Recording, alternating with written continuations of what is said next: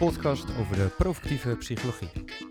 Mijn naam is Freek Zarik, ik ben provocatief psycholoog en systeemtherapeut.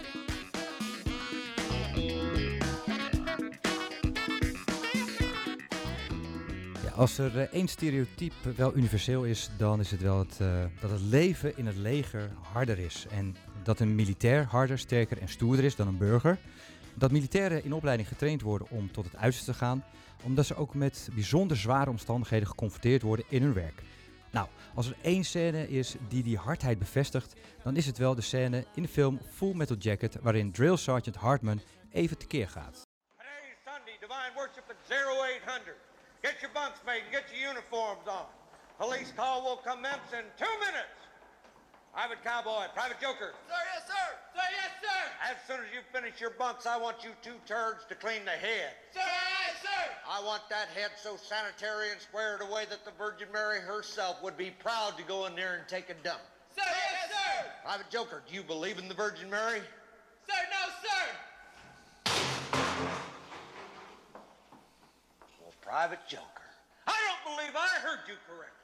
Sir, the private said no, sir, sir. Why, you little maggot, you make me want to vomit. You goddamn communist heathen, you had best sound off that you love the Virgin Mary, or I'm gonna stomp your guts out. Now, you do love the Virgin Mary, don't you? Sir, negative, sir. Private Joker, are you trying to offend me? Sir, negative, sir. Sir, the private believes that any answer he gives will be wrong, and the senior drill instructor will beat him harder if he reverses himself, sir. Who's your squad leader, scumbag? Sir, the private squad leader is Private Snowball, sir. Private Snowball! Sir, Private Snowball reporting his honor, sir. Private Snowball, you're fired. Private Joker is promoted to squad leader. Sir, aye, aye, sir.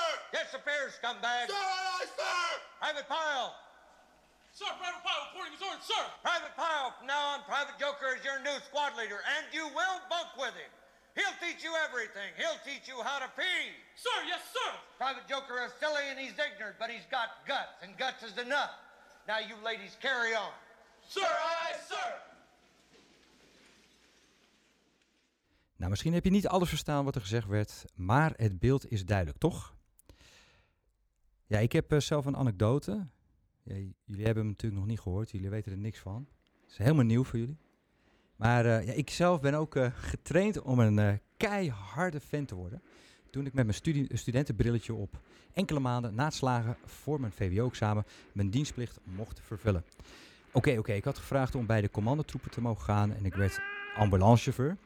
En oké, het was een dienstplicht van maar negen maanden, waar ik de vakantiedagen nog van af moest trekken. Maar goed, één moment dat me nog bij is gebleven, wat een beetje in contrast staat met het stereotype van de hardheid, eh, is dat mijn sergeant in het schreeuwen van de commando's altijd de zachte G gebruikte.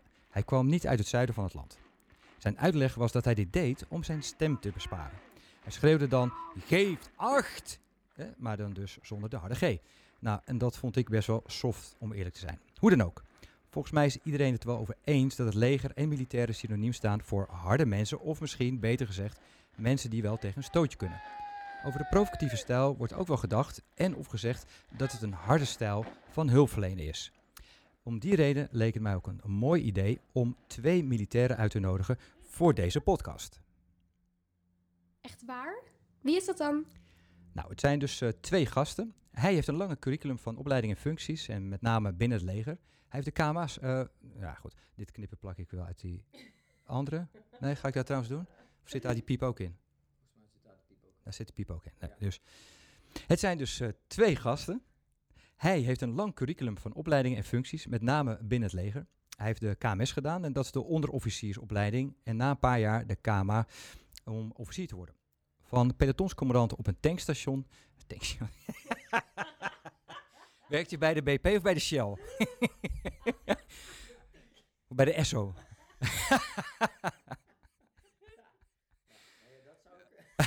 Dat zou ik er vooral in laten.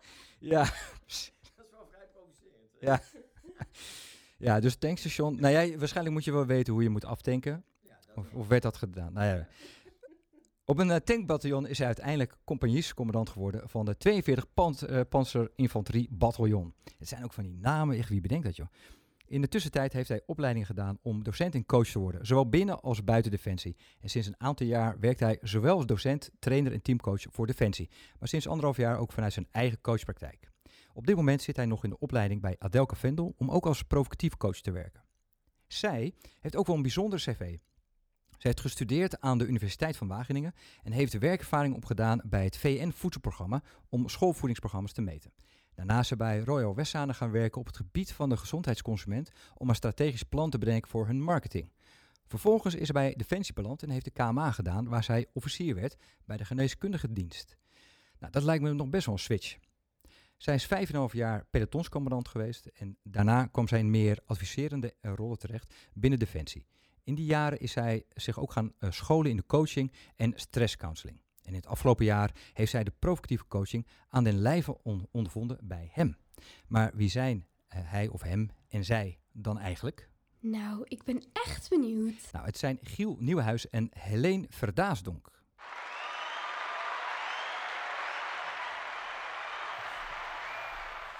Ja, Helene Giel, van harte welkom in deze podcast. Eh, klopt de introductie die ik gegeven heb? Ja, die klopt eh, helemaal prima. Ja. Ja, ja, goed zo. Ja, Ja, nee, inderdaad. voor jou, ja, niks, eh, ja die, Mooi om zo te horen over jezelf. nooit, nooit bij een tankstation ook gewerkt? Nee, nee, nee, nee. Tankstation, eh, nee. Het is tankpeloton, uh, Ja. eskadron, Ja. bataljon. Ah, ja, ja, goed. Ja. Nee, nou, je ziet maar, ik heb pas eh, he- heel kort in het leger gezeten, dus dat, eh, dat is misschien de, de reden. Anyhow, anyway. Eh, ik wil jullie vragen, ja, om eerlijk te zeggen, ik, ik, ik heb het jullie al gevraagd, maar de, de opname liep voor gemeten door technische problemen hoor. Ehm, dus eh, daarom doen we dit nog een keer. Dus jullie hebben net de vraag op beantwoord, jullie hebben kunnen nadenken. Jullie mogen ook nog een ander antwoord geven dan jullie net gedaan hebben. Maar de vraag is, ehm, kunnen jullie vertellen wat is je slechtste eigenschap en waarom kunnen jouw cliënten daar zo ontzettend profijt van hebben? Ja. Eh, ben ik ja. benieuwd of het dezelfde wordt Ja, mij wordt het hetzelfde antwoord. Namelijk dat ik nogal ongeduldig van aard ben. En dat eh, kan in het voordeel werken dat we sneller tot de kern van de zaak kunnen komen. Alright, mooi. Ja, ik heb eh, nogal eens de neiging om eh, zwart-wit te denken. Ik weet trouwens niet of dat eh, in deze tijd een uitspraak is die kan, maar... Alles ligt onder een vergrootglas. Ja, nee, dat, dat realiseer ik me al te goed. Ehm, maar wat het kan opleveren voor een cliënt is dat ik er niet omheen draai. Dus Dus snel naar de kern en er niet omheen draaien. Ja, klinkt op zich goed, toch? Ja, ik vind het wel. Hey, aanleiding om jou uit te nodigen, Giel, was eh, een reactie van jou op LinkedIn. En ik zag dat je bij Defensie werkte. En ik vond toen dat ik je moest uitnodigen. Om de redenen die ik zojuist heb eh, uitgelegd. Je vertelde me toen dat jij Helene gecoacht hebt. En dat zij het wel leuk zou vinden om vanuit de cliëntkant te vertellen over hoe zij het eh, ervaren heeft. Eh, nou, dat is natuurlijk super mooi, want wij kunnen wel een boom opzetten over waarom het wel of niet werkt, waarom het wel of niet hard overkomt bij de cliënt. Maar wat is beter dan de cliënt zelf uit te nodigen, die ook zelf nog eens coach is, dus ook nog eens op die manier misschien eh er mooi over kan reflecteren. Eh, maar om bij de eerste vraag te beginnen die ik wil stellen, Giel, is de provocatieve stijl hard? ja, ik vind persoonlijk van niet. Ehm, dus, dus ik denk ehm, dat het vooral te maken heeft met het woord provocatief. En, en wat, wat roept dat dan op, kennelijk? Nou, ik denk dat dat voor veel mensen iets van weerstand oproept. Eh, iets van spanning, ehm, uitdaging, die er overigens wel gewoon in zit. Ja, Eh, alleen niet op de manier zoals het woord dat aanduidt of duidt. Ja, nee. dat, dat, eh, zo zie ik dat. Ja. Oké. Ehm, dus volgens jou ja, is het niet hard, maar zitten er wel ook harde kanten aan? Ik bedoel, het, het, het, is niet het Rogeriaanse, client-centered, eh, rustig luisteren, eh, constant hummen enzovoort. Het, is wel echt een andere vorm. Ja, dat, dat, eh, daar ben ik met je eens. Ehm, ik zeg al, soms heb ik wel eens de neiging om zwart-wit te reageren. En ik denk dat dat misschien ook wel de hardheid aangeeft van het provocatieve. Ondanks het feit dat je natuurlijk wel zijpaden bewandelt en allerlei zaken doet. Maar uiteindelijk richt je je veel sneller op de kern. Ja. En zeg je ook gewoon soms tegen cliënten waar het, eh, waar het op staat. En daarmee raak je dan ja, de cliënt. Ja, Ja. Dus ik Ja. denk dat dat er vooral in zit. De uitdaging, de prikkeling. eh, die je bij het normale traditionele coachen gewoon wat minder hebt. ja, oké. De uitdaging, de prikkeling, ja, dat is dus echt van die onderscheidende, het onderscheidende element. Ehm Helene, aan jou de vraag, als cliënt, heb jij het als hard ervaren, de, ja, de coaching die jij van Giel hebt mogen ontvangen? Nee, nee, die heb ik eh, zeker niet als hard ervaren. En ik, ik heb ook eh, hè, bewust gedacht toen Giel eh, op zoek was naar eh, mensen, hey, laat ik het eens een keer proberen. Want ik merk wel dat ik daar ook een bepaald idee of vooroordeel bij heb. Ehm, Bij de provocatieve vorm van coachen. ja, en dus, Want dat, wat, wat, was, wa- dat is wel interessant, want het heeft misschien ook te maken met wat de naam oproept of zo. Wat, wat riep het bij jou op? Ja, dat, dat, dat denk ik. Dat heeft denk ik zeker te maken met wat de naam oproept. Dus, dus ik, ja, mijn beeld was, eh, weet je, ik, ik ga vertellen wat mij bezighoudt, eh, wat mij raakt. En eh er gaat iemand tegenover me het continu niet serieus nemen en belachelijk lopen maken. Dat, dat is het beeld wat ik erbij had. Niet serieus nemen en belachelijk lopen maken. Ja. Dus is misschien nog niet eens de hardheid, maar meer Ja. misschien nog een ander aspect eigenlijk van wat het oproept. Ja, ja, ik weet niet hoe je dat in één woord moet omvatten, maar dat beeld had ik er een beetje bij. Ja. misschien ook dus een beetje dat ik mezelf niet veilig zou voelen of zo. Om Ja. maar te komen met, met wat er was. Ja. Dat. Oké. Hoe heb je het ervaren? Nou, ik heb het eh, eh, als, als ja, heel eh, verrassend en goed ervaren. Dus er was zeker warmte. En door die humor ehm, maakte het, ja, maakte het dat ik ook anders tegen, tegen eh, mijn vraagstelling aan kon kijken. En dat gaf een vorm van vrijheid. En, Ja. en, en die was nieuw voor mij. Dus dat vond ik wel echt eh, mooi om te merken. Ja. Oké.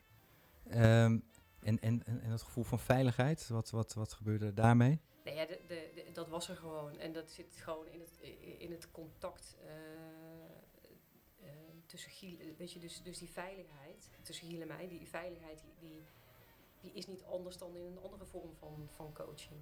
Ja.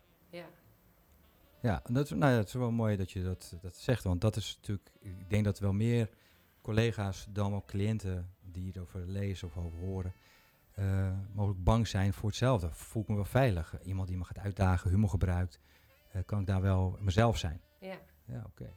Ja, mooi. Hey, eh, moet ik wel meteen bedenken, denken van ja, oké, maar ik vraag dat dus aan een militair. wel een militair die ook eerst bij het VN voedselprogramma en voor eh, misschien eh, niet, ik weet niet, of jij ben jij een geëikte militair van hart en nieren of Dat is, eh, ja, wat, wat is dat dan? Ja, een geëikte ook weer militaire zoiets. saneren. ja. Daar kan ik geen antwoord op geven. Sta je bekend als een harde tante in jouw omgeving? Is dat dan een geëikte militair? Als ik bekend zou staan als een harde tante? Ja. Ja? Ja. Voor, voor jou? Oké. Nee, ja, goed, nee, maar ja, het, het is een beeld toch? Stereotype militair is hard. Stereotype. Militair is hard. Eh, Of, of is het stereotype, kijk, of het stereotype klopt is wat anders, hè? ja, Maar dat is het stereotype, toch? Dat een, een, een militair hard is. ja. Of is dat ook alweer anders? Nou, ja, dat is, dat is dus een beetje lastig als je zelf in de organisatie zit om er zo naar de buitenkant naar te kunnen kijken. Ja. Maar goed, ik zat wel tegen Giel laatst te vertellen, als ik eh, collega's, eh, want dat is wel het mooie van Defensie natuurlijk, collega's worden vaak ook vrienden, omdat je zoveel tijd met elkaar eh, doormaakt. Ja. en mijn man is geen militair. En eh, eh, ik heb al een aantal collega's eh, hebben wij bij ons thuis gehad om te eten. En elke keer is zijn reactie: Oh, dat vond ik eigenlijk ook wel een eh, normaal persoon. hij, hij blijft het gewoon na jaren nog steeds een soort van: Halleluja, dat is gewoon een normaal mens eh, moment Je hebben. had zich voorbereid op een hele avond, harde grappen en eh, het minst geringste moet je tien push-ups doen. En- Juist, dat soort dingen. Kort in de bocht, lekker lomp. Ja, ja, ja, ja, precies. Ja, grappig. Eh, Michiel, kijk, er- ondertussen even vragen, zou je deze willen insteken in, in een van die twee poortjes daar? Zeker.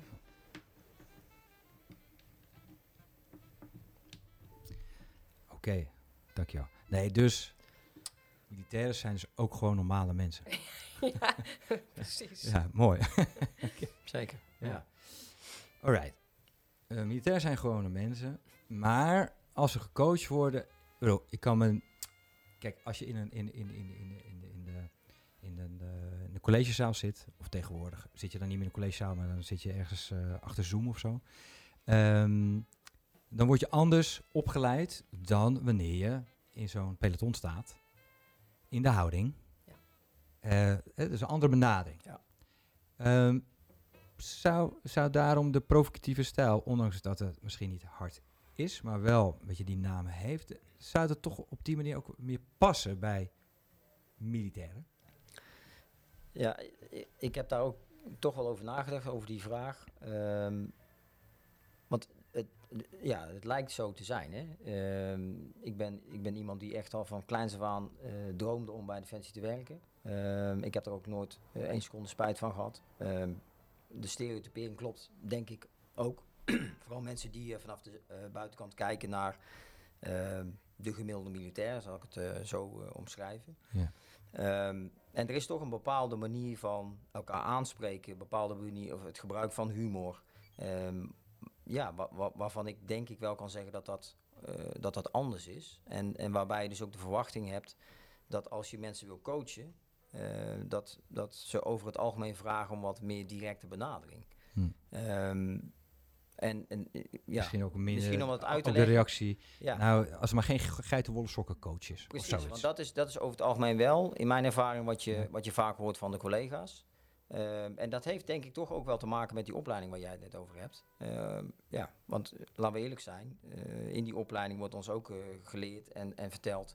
Weet je, emotie kun je uitschakelen en dat soort uitspraken. Ja, Ehm, ja, en als je dan in één keer met een coach aan tafel gaat zitten die vraagt van hey, hoe voel je je erbij? Dat is natuurlijk, hè, dat, dat, is, dat is gek. dat, denk je waarschijnlijk. Nou, net als, net als die, die, die militair net bij Drill Sergeant Hartman. Die denkt, ja, wacht even. Als ik nu ga zeggen dat ik gevoel heb, dat is misschien wel een trick question. Ja, dat, dat wil je niet horen. Er is geen goed antwoord nu. Ja, ja, ja, nee, Ja. maar dat... ehm, Moet het opeens over gevoel gaan. Precies. Ja, we moeten, moeten vooral niet, niet eh, generaliseren natuurlijk. Maar eh, ik, ik denk wel dat dat beeld eh, klopt. En ik heb zelf ook wel het idee dat het mensen die bij Defensie werken... en dan vooral ja, de militairen... want er werken natuurlijk ook burgers bij, bij, de, Ja. bij Defensie... die bij operationele eenheden dienen... dat die over het algemeen wat meer op zoek zijn naar mensen... die gewoon direct kunnen aangeven en mensen kunnen begeleiden en helpen. Ja. En dat- ja, het mooie is, eh, alleen eh, is degene die binnen Defensie eh, eh, de collega coachpool ja, aanstuurt of begeleidt. Ja. Ehm, dus daar komen ook alle aanvragen binnen. Ah. Dus misschien dat Helene daar eh, iets meer over kan vertellen. Nou ja, ja zeker. Want de vraag die ik er ook meteen bij heb is... eh, want jullie, jullie antwoorden waren ook meteen... Nou, ik hou ervan om snel naar de kern te gaan. Ongeduldig, dus dat, dat is ook makkelijk en duidelijk. Nou, en, dat past misschien ook bij de klare taal die je als militair gewend bent om te krijgen. Of eh, waarvan je denkt dat ook... Dus, ja, kort communiceren is makkelijker dan hele verhalen ophangen. Ja. Zeker in stresssituaties. Ja. Eh, krijg je ook wat meer dat soort eh, vraagstukken? Dus mensen die zeggen, ja, ik zoek een oplossing. Ja, waarbij ik dan tegelijkertijd mezelf afvraag of dat dan eh, anders is eh, buiten de militaire organisatie. Want mensen willen altijd heel graag snel naar een oplossing. Eh, voor iets waar ze tegenaan lopen, denk ik. Nou, ik kom er ook genoeg tegen die eigenlijk hadden verwacht dat ze gewoon eh, lekker een verhaal konden doen. Ja? Oké. Ja. Ja, in, Ja. ik denk in een gewone eh, coachingspraktijk dat je, dat je in ieder geval een grotere categorie mensen hebt die zeggen, nou, het is ook wel fijn om een verhaal te kunnen doen. Ah, oké. Ja, zie je. En- dus die referentie die, die, die eh, heb ik dan weer niet. Maar dat, eh, nee, de- de- wij hebben wel... eh, de aanvragen die wij binnenkomen zijn wel... eh, ja, d- d- d- d- daar zit een vraag die, die op te lossen is in. Ja. Eh, ehm, eh, en daarbij moet ik ook zeggen dat wij eh, met onze coachpool... Dat zijn trouwens mensen... Het zijn ongeveer 200 coaches die wij in de pool hebben. En die zitten verspreid door het hele land. Dat zijn mensen het dus binnen Defensie heb je 200 coaches. Ja. Dat vind ik eigenlijk nog best wel veel voor, voor een Defensie. Voor bijna 50.000 man. Oh ja, nee, dat is dan niet zoveel. nee, Nou, nou, is- nou, nou, laat ik zo zeggen, in positief zin. Dat er dus eh, ruimte is eh, voor coaching. En, en, met, met 200, en misschien op vijf- 50.000, nou ja, ik weet nog. Het klinkt natuurlijk veel, maar ik weet niet hoeveel mensen dat ik bij nou, ook bij buiten Defensie, zeg maar, hoeveel coaches per persoon er beschikbaar zijn. Ik weet niet of dat heel, geen idee of dat verschilt. Maar Ja. Ja, voor het- t- het- 200 het- coaches vind ik nog steeds, denk, nou, dat, is best wat. Ja, als je het zo, ja, ja, als je het zo op zichzelf zegt, misschien wel. Toch? Dat Defensie daar ken ik ook geld in investeert voor Nee, om ja, mensen te laten absoluut. coachen en zo. Absoluut heel positief. Ja. Ehm, zeker. En, ehm, en die 200 coaches, ehm, kijk, Gila en ik werken voor een eenheid, wij doen het voltijd. Ehm, Gilles is teamcoach en die 200 coaches die we hebben in de landen zijn personal coaches. Die Ja, doen dat naast hun, eh, hun werk. Dus het is een neventaak. ja, ja. ja. Dus die zijn niet fulltime beschikbaar. Ehm, en Ja, kijk, als we dus in FTE's uitdrukken, dan is het alweer, nou heb je tien coaches. precies. Ah, Oké, ja, nee. het kan altijd meer. Maar Ja. ook de aanvragen kan, kan meer. Maar goed, dat Ja. is weer een andere discussie. Ehm, maar om terug te komen op jouw vraag. eh, dat zijn aanvragen die wij ook krijgen uit het hele land. Dus dat zijn niet alleen de beroepsmilitairen, maar ook de burgers. Ook eh, ja, weet je, van alle krijgsmachtdelen. Ja. Ehm, en En krijg je dan ook andere vragen vanuit, voor voor die coachpool dan wanneer bijvoorbeeld mensen met PTSS, dat is natuurlijk een van de dingen die, waarvan anderen denken, nou, als een militair hulp vraagt, dan is het misschien omdat hij PTSS heeft of zo. ja. Ehm, is dat een andere pool? Die gaan Ja. meteen naar de psycholoog toe? Precies, precies. Dus dat is voor ons, hè, wij zijn de nulde lijns. eh PTSS-vragen komen op een, op een hoge dek te liggen. Dus Ja. die komen dan niet, eh, voor dat PTSS-stuk in ieder geval niet bij ons. Nee, dus het gaat er bij jullie ook echt om coachingsvraagstukken, Ja. waar misschien ook al wat meer, wat zich vaak al wat leent voor oplossingsgerichte eh, coaching. Ja. Toch? Ja. Oké. Persoonlijke ontwikkeling vooral. Hè? Ja. Dat, Ja. dat soort zaken waar mensen tegenaan lopen die bijvoorbeeld willen werken aan assertiviteit of eh, Zelfvertrouwen. meer zelfvertrouwen. Eh, Dat soort vragen krijgen we dan binnen Ja. en daarmee gaan we dan aan de slag. Ja. Maar ook een betere werk-privé-balans. Dat is natuurlijk ook nog best lastig af en toe, eh, ook als beroepsmilitair. Hè. Hoe krijg je dat voor elkaar met een, eh, met een druk oefenprogramma eh, thuis? Ja. Veel weg. Veel eh, weg, ja. Ja, dan kom je thuis, wil je even een weekendje met je vrienden wat doen. Ja, Word ja, je scheef aangekeken. Ja, ben je alweer weg. precies. Dat Ja. soort dingen. Ja. Dat is mijn vrije tijd. ja. Ja. Ah, oké. Ja. En, en emotie, praten over emoties. Wat is jouw ervaring als coach daarmee? Eh, Ja, Zeker binnen Defensie, is dat, is dat inderdaad anders? Of lijkt het in de eerste instantie anders? Ja, ik, ik, eh, dat blijft voor heel veel mensen die, die ik heb eh, gecoacht heel lastig. Ja. Ehm, Ook na de coaching nog? Ook, eh, ja, ook na, na de coaching. En ik, Ja. ik, ik twijfel dan inderdaad of dat ehm, iets is hè, waar we het ook over hebben gehad. Is dat beroepsmilitairen zijn wel een bepaald type. Hè. We worden ook eh, aangenomen. Er zitten, zitten, ze kijken naar persoonlijkheidskenmerken. Er zitten een paar aantal selectiecriteria. Dus hè, je krijgt wel een, een bepaalde trechter waar je doorheen moet. Vervolgens word je nog inderdaad opgeleid op de... eh, nou ja, het maakt niet uit. Het opleidingsinstituut waar je ook nog een keer door een mal gedrukt wordt. Ja. Ehm, dus ja, dat zijn, het zijn van nature vaak geen mensen die, die, die het ja, nodig vinden. Of die het juiste woord kan ik even niet vinden. Maar Ja. eh, lastig is om vaak eh, bij het gevoel te komen. Ja. Ehm, ja, Oké. Nou ja, ik- wij hebben in mijn, in mijn trainerstijd eh, hanteren we het coachkwadrant. En dat zou ook weer, weer ergens vandaan komen. Van, van wie weet ik dan niet. Maar en dat gaat erover als je een, ehm, een eh, vraagstuk wilt eh, ontrafelen als coach. Dan, ehm, eh, dan kan je het uit vier verschillende hoeken doen. Enerzijds vanuit feiten. Dus feitelijk vragen. Goh, wanneer was het dan? Hoe vaak gebeurt het dan? Hoe vaak heb je er last van? Enzovoort. Beleving. Wa- Wat voel je erbij? Wat vind je ervan? En welke indruk maakt het op je, emotionele beleving? Ehm, eh, dat ligt dan ook een beetje zeg maar, het verleden. Dus uitzoeken van, goh, hoe zat het dan? Hoe heb je het ervaren? En dan meer in heden en toekomst. Het gaat over doelen.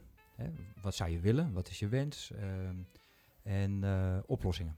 Eh, wat ga je eraan doen? Of wat heb je al gedaan, maar werkte kennelijk niet? Nou, dus vier verschillende vraag, eh, ja, richtingen eh, van vragen die je kan stellen. En ik, ik leer het ook vaak aan, eh, aan stellen.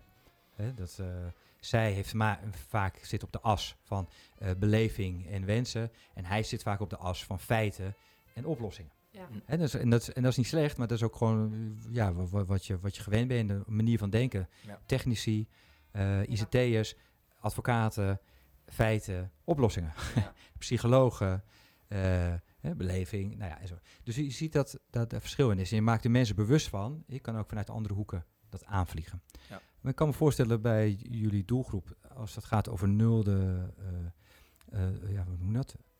Een nullijns hulpverlening? De nullijst, ja. Ja, nullijns hulpverlening. Ja, vind het een beetje denigrerend klinken eigenlijk. Dan staat wel heel laag in die regie op nul. Maar, maar ik snap, het, met de lichtere problematiek leent zich misschien ook wat, wat makkelijker voor feitelijke eh, feitelijkheden en oplossingen. Is misschien niet altijd nodig om naar de emoties te gaan. Nog Ja. los van het feit dat je natuurlijk een doelgroep hebt die waarschijnlijk zegt, nou, dit waren feiten, dat lukte me niet, doe een andere oplossing. Ja, Ja, ik denk om een beetje aan te vullen wat Helene net zegt. Ik denk dat er, ehm, het is een bepaald type mens wat gewoon geïnteresseerd is in deze organisatie. Hè, en dat zijn over het algemeen mensen die echt een vinger opsteken om in de bosrand allerlei stoere dingen te doen. Het, is een Ja. stoer, het heeft een stoer karakter, het, eh, het is veel weg, het is avontuur, het is van alles en nog wat. Ehm, dus ja, eh, ik denk dat het, ja, als we dan wel zouden generaliseren, inderdaad wel mensen zijn die inderdaad met gevoelens en allemaal die dingetjes hebben we iets minder, maar we willen gewoon vooral stoere dingen doen.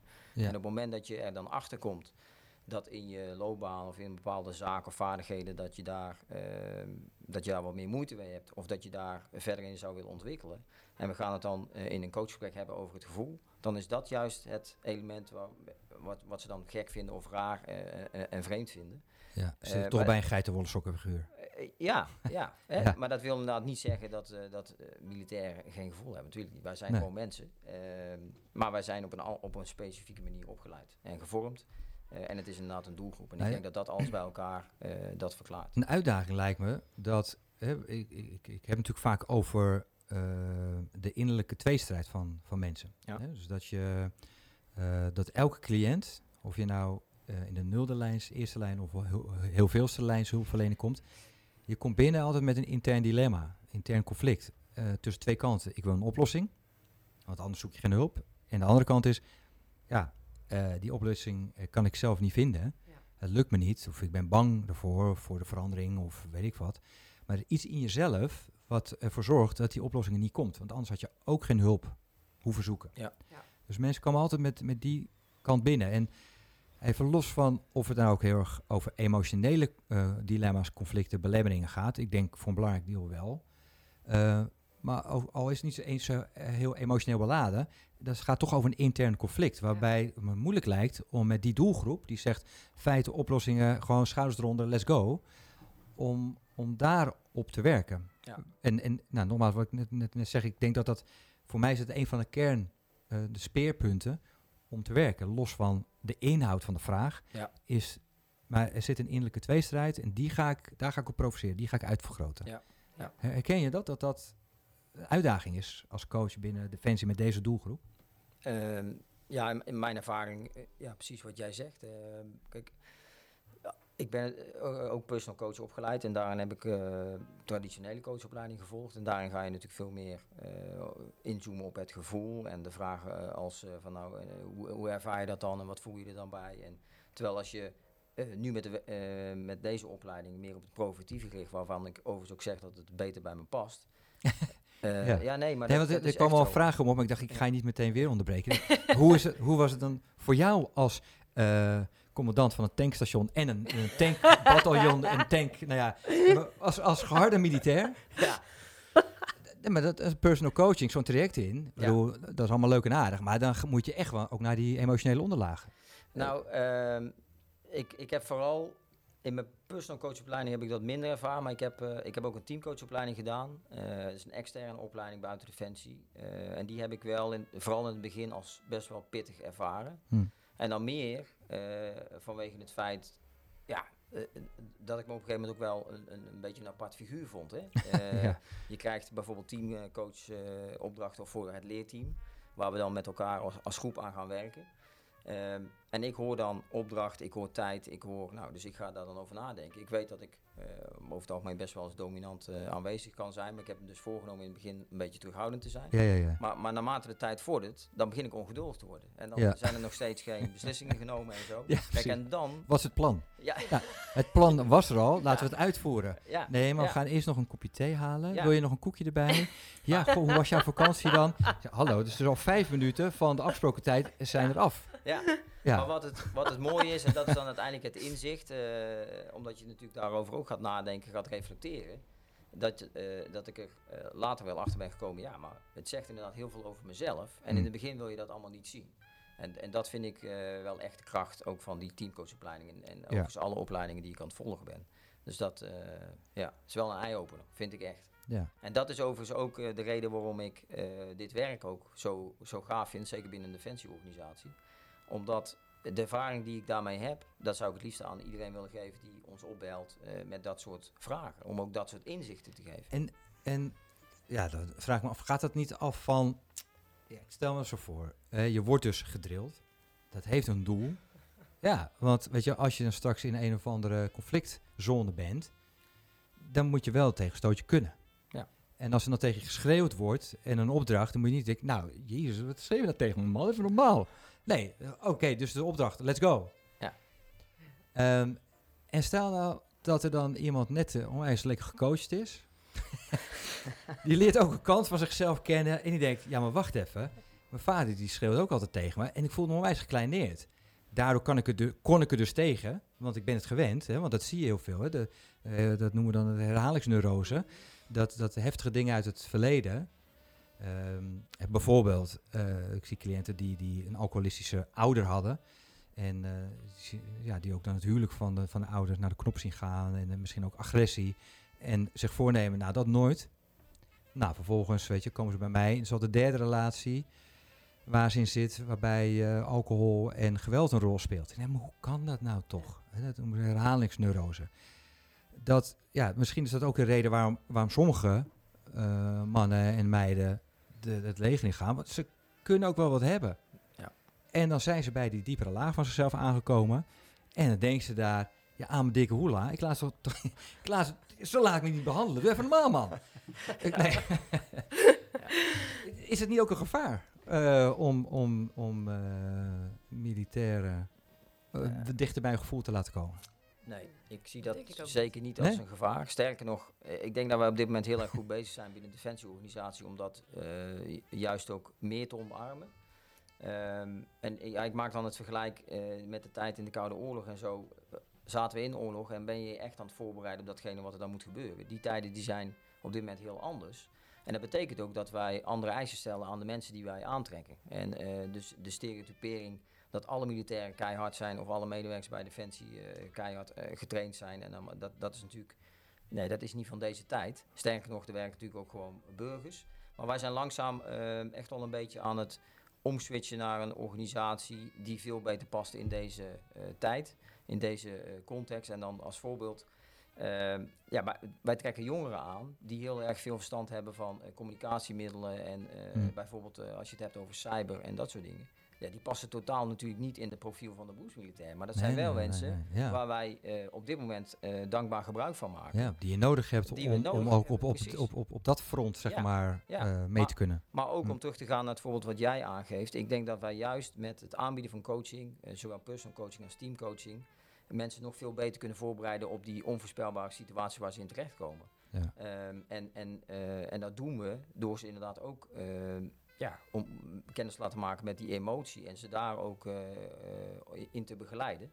Ehm, want het is namelijk niet zo dat als wij op uitzending gaan of in een missiegebied staan, dat wij natuurlijk daar alleen maar tot de tanden gewapend allerlei dingen aan het doen zijn. Wat wa- we- we- dat soort handelingen. Nee, je maar wij staat nu, moeten ook- nu met een mobieltje en dan cyberoorlog te voeren. Zo. Eh, Ja, maar, nee, maar het Ja. gaat ook over het contact maken Was met, slechte met, grap, met, ja, Dat is echt heel slecht.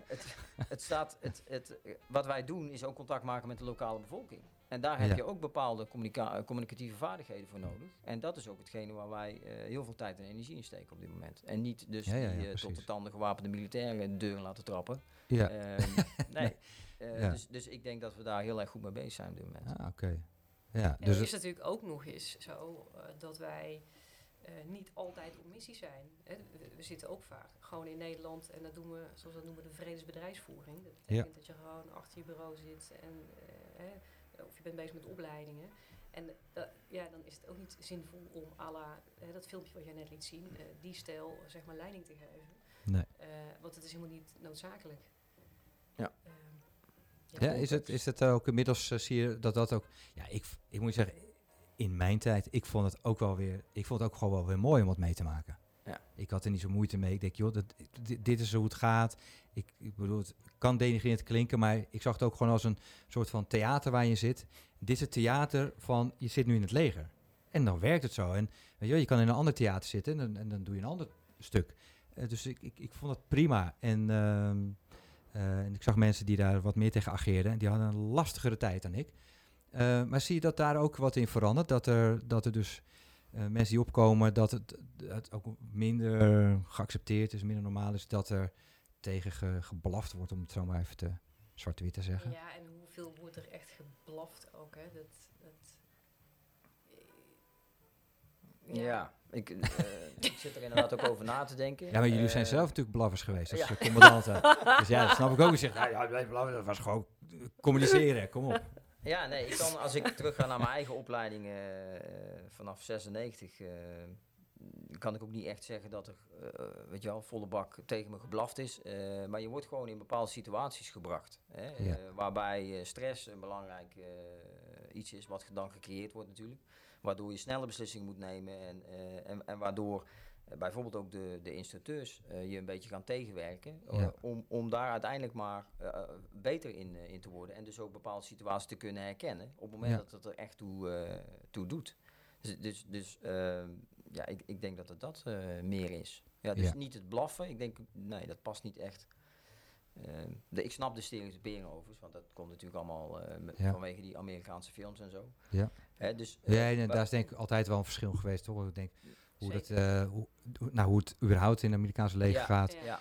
Hoe dat in het nieuws komt en Ja. hoe dat in de Nederlandse situatie is. Ja, En ik denk ook, eh nog maar ook vanuit eigen ervaring sprekend, weet je, als je ermee akkoord gaat dat het zo gaat, is het ook al niet meer zo erg. Ja. Op het moment dat je denkt, ja, ik wil helemaal niet in dienst. Nee. Ik- tegenwoordig is die dienstplicht natuurlijk afgeschaft, dus dan Ja.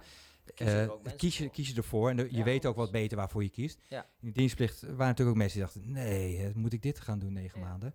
En als er dan iemand eh, met harde stem tegen je zegt wat je moet gaan doen, eh, ja, Ja. dan kan het natuurlijk als blaffen Ja. komen. Hè. Voor mij was het ook van, ja, het is gewoon duidelijk. En als je daarin meegaat, dan merk je ook dat je snel een band krijgt. Ja. En dat er nog steeds wel tegen je geblaf wordt, maar je weet ook gewoon wat de intentie is. Ja, Ja, precies. Je ervaart Ja. het anders. Nou ja, dat is Ja. ook die vorming, eh, Ja. zoals we dat dan eh, benoemen. Ehm, maar dit is, dit is ook nog gewoon noodzakelijk. Hè. Er zijn Ja. gewoon sommige eh oefensettings of situaties, en die je ook in Afghanistan, en, en, eh, waar je gewoon op voorbereid wordt. En dat, Ja. dat is het eigenlijk. En, ehm, Je moet er dan niet meer van schrikken als opeens iemand zijn stem verheft. Nee, precies. Ja. Want, want die, er is gewoon op een bepaalde momenten helemaal geen tijd voor. En dan Nee. moet jij gewoon opdrachten geven. En dan moet die groep of het peloton, of eh, het is maar net hoe groot die eenheid is, die moet daar gehoor aan geven. En, en dan wordt er op een later moment vast wel over gesproken waarom er bepaalde keuzes zijn gemaakt.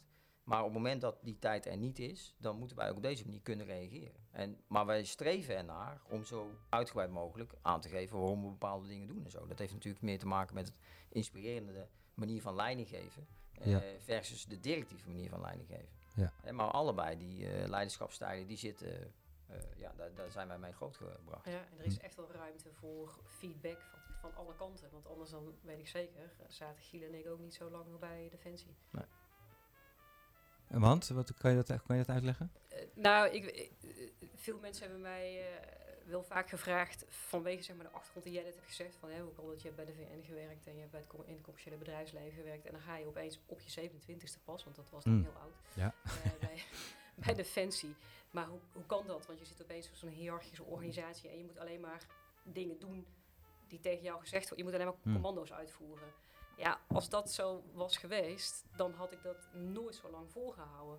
Want ja, weet je, ik heb ook een stil hersenen. En ik denk Ja. dat ik best wel ook eh, soms met slimme oplossingen kan komen. Ja. En als daar geen ruimte voor was geweest, Nee, dan precies. was ik al, eh, dan was ik al veel eerder afgehaakt. Ja.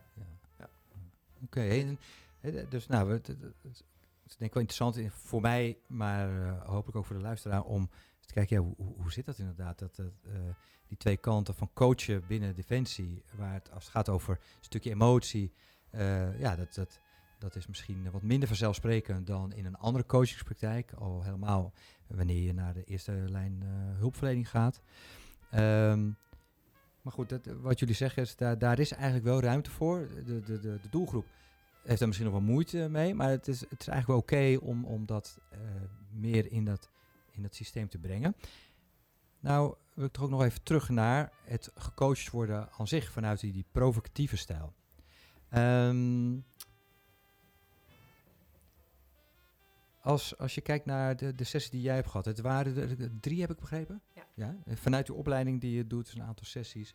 Ehm, wat, zijn de, wat zijn de elementen die je het meest daarin eh, hebt eh, aangesproken? Waarvan je nu denkt, ja, dat is waarom ik er weer voor zou kiezen of het een ander zou aanraden. Ja, eh, nou in ieder geval eh, die humor sowieso. Eh, dat, ja, nogmaals, dat vond ik dus, dus heel, heel bevrijdend werken. Dat je gewoon ook over je eigen, hè, waar je tegenaan loopt, dat je daar gewoon over kan lachen. grapjes over kan maken. Ehm, en ook eh, ehm, het feit dat ik hè, dat Giel dat dingen ingooide, dat ik continu aan het werk moest om te, te kijken van hé, maar wat draait het nu echt om? Hè, dus hij liet me eigenlijk niet, niet gaan met praten, maar hij gooide er iets in waarvan ik dacht, wat heeft dit er nou heeft dit ermee te maken? Wat, wat vraagt hij nu weer? Waardoor Ja, ja. ik continu aan het switchen was van hé, waar draait het nu eigenlijk om? Eh, Heeft En- nou en- een punt of heeft En, hij en nou wat is het dan wat je deed? Eh, kan je Ja. dat eh, nog herinneren? Ik kan eh, een, eh, een fragment is dat eh, ik maakte op een gegeven moment een opmerking eh, in het eerste gesprek wat we hebben gehad. En op een gegeven moment zei, eh, en daar waren we, was, waren we serieus met elkaar aan het praten. Ehm, en op een gegeven moment zegt Helene, ja daar heb je wel een punt. En, en vervolgens wilde ze dan vertellen wat dan het punt was. En ik, zat, en ik zei in één keer van, ehm, eh, even, wacht even, zijn, zijn we een eh, spel aan het spelen? Moet ik, eh, moet ik daar dan eh, iets met de spelregels doen? Dus op een gegeven moment wijden we gewoon uit en gingen we het over dat spel hebben wat we dan eh, aan het spelen waren. En vervolgens gaan we dan weer vanzelf terug op, het onderwerp of gaan we vanuit, dat, eh, vanuit die discussie of dat gesprek of dat deel van het gesprek komen we weer eh, op, op, op, ja, we zijn op zoveel verschillende zaken we uitgekomen. En eh, dus dat is, dat is een beetje zoals ik het eh, heb Ja. uitgeprobeerd en gedaan. Ja, en dat, Eh, gaat dan over het zijpaden ja, bewandelen irrelevant. en de structuur laten gaan. Ja, ja. ja en, en wat, wat was het effect voor jou dan daaruit alleen? Want ik kan me ook voorstellen, je denkt, ja, wat gebeurt hier nou? En wat bloedirritant. Ik net mijn verhaal te vertellen? Ja, nou dat had ik dus eigenlijk misschien wel verwacht, hè? Dat, dat mijn reactie ja. zou zijn. Ja. Zie je, hij, hij neemt dus inderdaad niet serieus. Ik wist het, de provocatieve stijl. Jongen, jongen, jongen. Ja, nou ja, maar wa- wat, er, maar wat ik dus feitelijk ervaren heb, is dat ik dus, ehm, dat ik dus heel erg moest gaan schakelen. Dus ik, ik moest heel erg aan het werk om te kijken van, hé, maar w- wat zeg je nu eigenlijk, weet je wel? Wat, wat, eh, wat is nu eigenlijk echt belangrijk voor me? Nou ja, Eh, doordat die, hè, voor mij was het echt een beetje de flipperkast dat alle kanten op Ja. ging. Ehm, en hij had je niet van tevoren uitgelegd dat dat dus juist het idee was van het toepassen van die techniek. Nee, hij, hij heeft wel gezegd dat hij wat dingetjes ging uitproberen. Ja. En, eh, Ja. maar, niet dat, dat dit een van de dingen was. Nee. Mooi. Dat is wel een schoolvoorbeeld van hè, waar, waar je op hoopt als je dit doet. Hè, dat, En daarom wat je zegt. meekomen eh, vandaag. Zeg je? Ja. ja. ja. Je had bij één iemand succes. En eh, ja, die andere coaches, nou die... eh, Nou nee, het Laten we daar sluit wel een beetje aan bij wat we in de opleiding krijgen van bij Adelka Vendel. Ja. Ik zal er gelijk reclame voor maken. Ja, Een precies. Super fantastische opleiding. Eh en Adelka is ook geweldig. Vendel.com. Ja, Vendel.com. Ja. Ehm, nee, maar daarin, eh, het gaat ook een beetje over het verrassingseffect. En dat, nou ja, als beroepsmilitair onder elkaar is dat ook iets eh, waar we successen mee kunnen boeken. Maar wat, wat ons een beetje aangeleerd is, is probeer vooral niet te, vertellen of niet te veel te vertellen over wat provocatief coachen inhoudt en, en wat de resultaten zijn. Maar leg die basiselementen uit. Hè? Dus dan heb je het over contact, over, Ja. over de humor en de uitdaging. En dat is, daar heb ik me ook echt toe beperkt. Eh, en het belangrijkste daarin is, eh, alles wat er gebeurt, weet in ieder geval dat ik achter je sta. Eh, en daarna zijn we gewoon aan de slag gegaan. Ja. En, eh, en, ja, en dan maken we achteraf gebruik van de reflectieopdrachten. waarin ze dan na enkele uren even het gesprek weer terug kan, kan halen en de vragen beantwoorden en enkele dagen later. Ja. En, en ja, het viel mij in ieder geval op is dat datgene wat zij er dan, wat ze me dan teruggaf, ja, dat, dat, dat, eh, dat lees je inderdaad in de boeken. En dus dat, dat gaf me serieus een heel erg goed gevoel. En dat eh, weer een extra bevestiging dat dit gewoon eh, heel erg goed werkt en effectief is. Mooi. Ja. Nou, dit, dit is één element. Wa- waren er nog andere elementen vanuit de coaching waarvan je dacht, nou, dat, dat viel me echt op. Dat, dat heeft me echt eh getriggerd. Dat heeft me echt geholpen. Ehm, Ja, je de humor noemde je. ja, hu- ja. Hè? Dus het, het zijpaden bewandelen.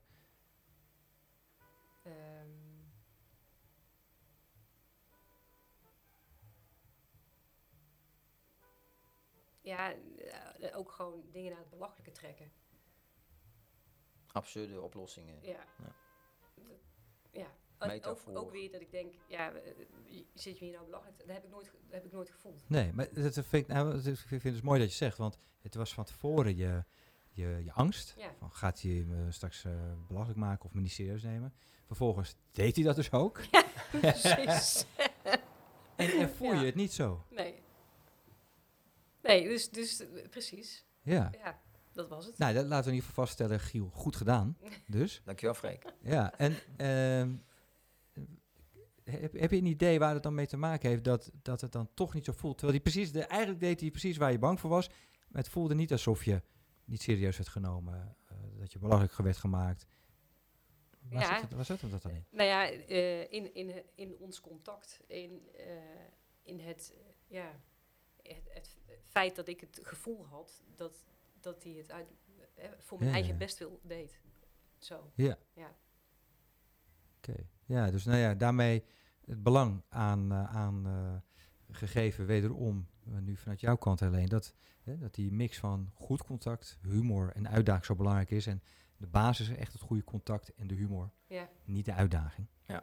ja. ja. Oké. En ehm, wa- w- zijn er doelgroepen waarvan, eh, nou laat ik eerst bij jou beginnen Helene en, en daarna bij jou Giel. Waar zou je het niet toepassen, de provocatieve stijl? ja dat, We hebben altijd wel vastgesteld dat dit eigenlijk niet zo heel hard is. ja ehm, daar heb ik ook wel over nagedacht. Hè? Ook omdat, omdat eh, die coachvragen komen bij mij en mijn team binnen. Wij matchen ze zeg maar op de, de, de coaches die we hebben.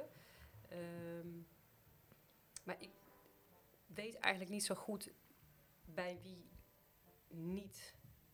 Omdat het... Ja. Nee, ik, ik zou het echt niet weten. Nee, het roept niet bij jou iets op van het, oh, dat heeft ook wel zijn beperkingen. Nee, ni- ni- niet als, als het contact goed is. En, maar, Ja. en dat is een voorwaarde voor elke vorm van coaching. Dus Ja. ja. Nou ja, dat, kijk, het is eh, voor een verwijzer altijd wel belangrijk.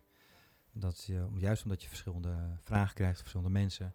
Misschien is dit natuurlijk wel vanuit wel één richting, hè, de, de, de, de, de beroepsgroepen militairen. Dus dat maakt misschien nog wel uit, maar ja.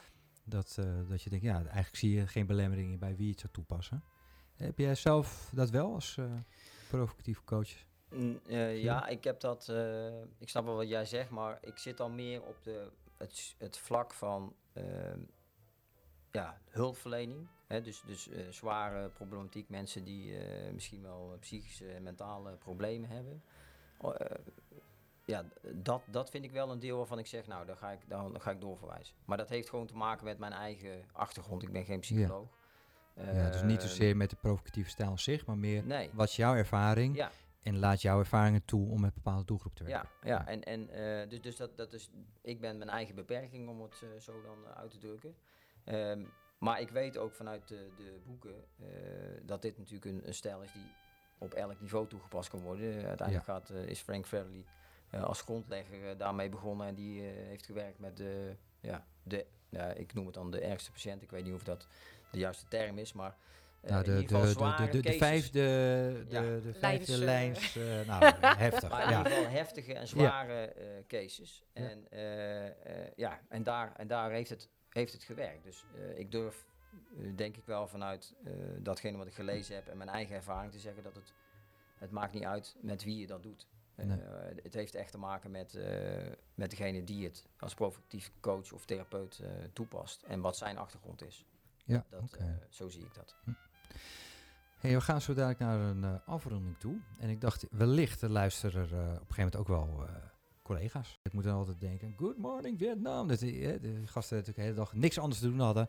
En dan eh, radio luisteren. Ja, tegenwoordig zal dat wel anders zijn met de mobieltjes. Maar stel je voor, zit ook een militair op uitzending. Die denken, ik ga gewoon podcast luisteren. Die luisteren deze podcast. Wa- wat zou je tegen, eh, tegen jullie doelgroep willen zeggen... eh, waarom de provocatieve stijl ze vooral dat moeten gaan doen. hoor. Dat is even een soort van eh reclamemomentje. Ik aan jou. Ja. Ja, jullie kunnen dus bij Helene terecht voor de verwijzing. Precies. En Giel vertelt je waarom je naar hem verwezen wil worden. Ehm, nou ja, ik, ik, ik denk dat dat echt gewoon te maken heeft dat als jij snel en effectief tot de kern van de zaak wil komen en, eh, en ook echt eh, beweging wil krijgen in je persoonlijke ontwikkeling, eh, ja, dan, dan, eh, dan kom je gewoon bij een provocatief eh, coach uit. Want die gaat jou op die manier ook eh, begeleiden. En als Ja. daar een prikkel of een extra uitdaging voor nodig is, dan eh schroomt hij dat ook niet om dat te doen. Ja. Dus ik denk dat, dat dat de reden is waarom je vooral bij een provocatief coach terecht. Dus snel, effectief, ja. Recht voor zijn raapshow. recht voor zijn raapshow. Ja. Ja. We, doek, we draaien er geen, of we winden er geen doekjes om. Nee. Daarom. Ja. Alright, mooi. Zijn er nog andere dingen die je nog, waarvan je denkt, oh, nu hier zitten, dat wil ik toch nog wel kwijt, wil ik nog vertellen. De, want dit is de kans. Zo dadelijk Ja. start ik eh, de outro in en dan is het voorbij. Ja, Ja, die, die, die laat ik dan aan jou. Ja. eh, Dan hou ik het kort en bondig. Nee, Ja. dankjewel. Ik denk dat er genoeg gezegd is. Oké, nou, heel mooi. heel mooi. Dan eh eens kijken. Even kijken of ik weer de juiste dingen klaar heb staan. Ik geloof het wel. Alright. Nou, eh, tot zover deze aflevering over de provocatieve psychologie. En de misvatting dat het vooral een harde, confronterende stijl zou zijn. En, eh, en misschien ook wel de misvatting dat militairen eh, vooral alleen maar hele harde, eh bikkelharde gasten zijn. Ook zij hebben emotie en sterker nog, ook die emotie, daar mag inmiddels meer ruimte aan gegeven worden. Daar wordt Defensie eigenlijk alleen maar beter van. Ehm René Giel, als er eh, mensen zijn die graag gecoacht willen worden, of het nou militairen zijn of burgers, hoe kunnen ze dan in contact komen met, met jullie? Hoe, hoe zijn jullie te vinden? Via onze internetpagina. En dan eh, moeten ze zoeken op eh, ehm, collega coaching. En dan kunnen zij ons zo vinden. Heel goed. En jij, buiten Defensie om, coach jij ook nog? Ja. Toch? ja, ik heb Eh, mijn eigen eh, ja. coachpraktijk. En hoe, hoe, kunnen ze, hoe kunnen mensen die eh, geïnteresseerd zijn jou vinden? Ze kunnen me vinden op eh www.nieuwhuis slash, eh, s- slash coaching.nl. Ja. En eh, dan eh, ze komen ze op mijn site uit en daar eh, kunnen ze alles over me lezen. Top. Dankjewel. Eh, heb jij ook nog een eigen coachingspraktijk? eh, Nee. die, eh, de- nee? Nee, nog niet. Eh, nog niet. Gaat misschien nog komen. Precies. Provocatief? Wie weet in de toekomst. Wie weet het. Oké. Nou, ontzettend bedankt eh, voor het gesprek. Ik hoop dat eh, de podcast van vandaag ook weer eh, interessant was voor jou als eh, luisteraar. Wil je reageren? Doe dat dan gerust en laat je reacties en opmerkingen achter. Dan kom ik er graag op terug in de volgende aflevering. Je kunt ook altijd mailen naar info.provocatiefpsycholoog.nl Hey Freek, Ehm, ja, vertel eens wat we de volgende aflevering kunnen verwachten. Nou, in de zomerperiode ga ik me even richten op een eh, paar andere projecten. De Spaanse podcast over La Terapia Provocativa bijvoorbeeld. Eh, het afmaken van een online cursus over de provocatieve therapie. Allereerst de Spaanse versie en daarna ga ik ook de Nederlandse versie maken. En niet onbelangrijk, ik ga me voorbereiden op het eh, promotieonderzoek aan de Universiteit van Almeria. En tot slot maak ik met mijn goede vriend en collega psycholoog Job Boersma de podcast Voer voor Psychologen. En daar gaan we ook weer wat van opnemen. Dus genoeg te doen. Eh, eind augustus of begin september hoop ik weer een nieuwe Nederlandse podcast te maken over de pro- provocatieve psychologie. Onderwerpen die nu al klaar liggen om mee aan de slag te gaan zijn werken met relatietypen. Kort gezegd, hè, wat als cliënten in contact iets doen waardoor je als coach of therapeut ja, zo'n zo'n onderbuikgevoel krijgt dat er iets niet klopt in het contact. Nou, dit valt in de categorie wat te doen met overdracht en tegenoverdracht. Provocatief kan dat heel mooi en effectief. Een ander onderwerp is het begeleiden van leerlingen. Eh, Wat kom je daar tegen en hoe kan de provocatieve stijl daar nuttig in zijn? Onlangs heb ik de vraag gekregen of ik ook in kan gaan op DSM-5-stoornissen, hoe je daarop provoceert. En met Adelka Vendel gaan we ook kijken naar de ja, burn-out, eh, veel gehoorde klachten, hoe we daar provocatief mee werken. Nou, er liggen dus genoeg ideeën om eh, mee aan de slag te gaan. Ehm, ik verheug me er enorm op. Wil jij op de hoogte blijven van het uitkomen van nieuwe afleveringen? Abonneer je dan op de podcast. En als je toch bezig bent, like de podcast en deel het in jouw netwerk. Dan kunnen nog meer mensen mee gaan luisteren. Voor nu wens ik je een mooie zomer toe. Hou je haaks en blijf gezond.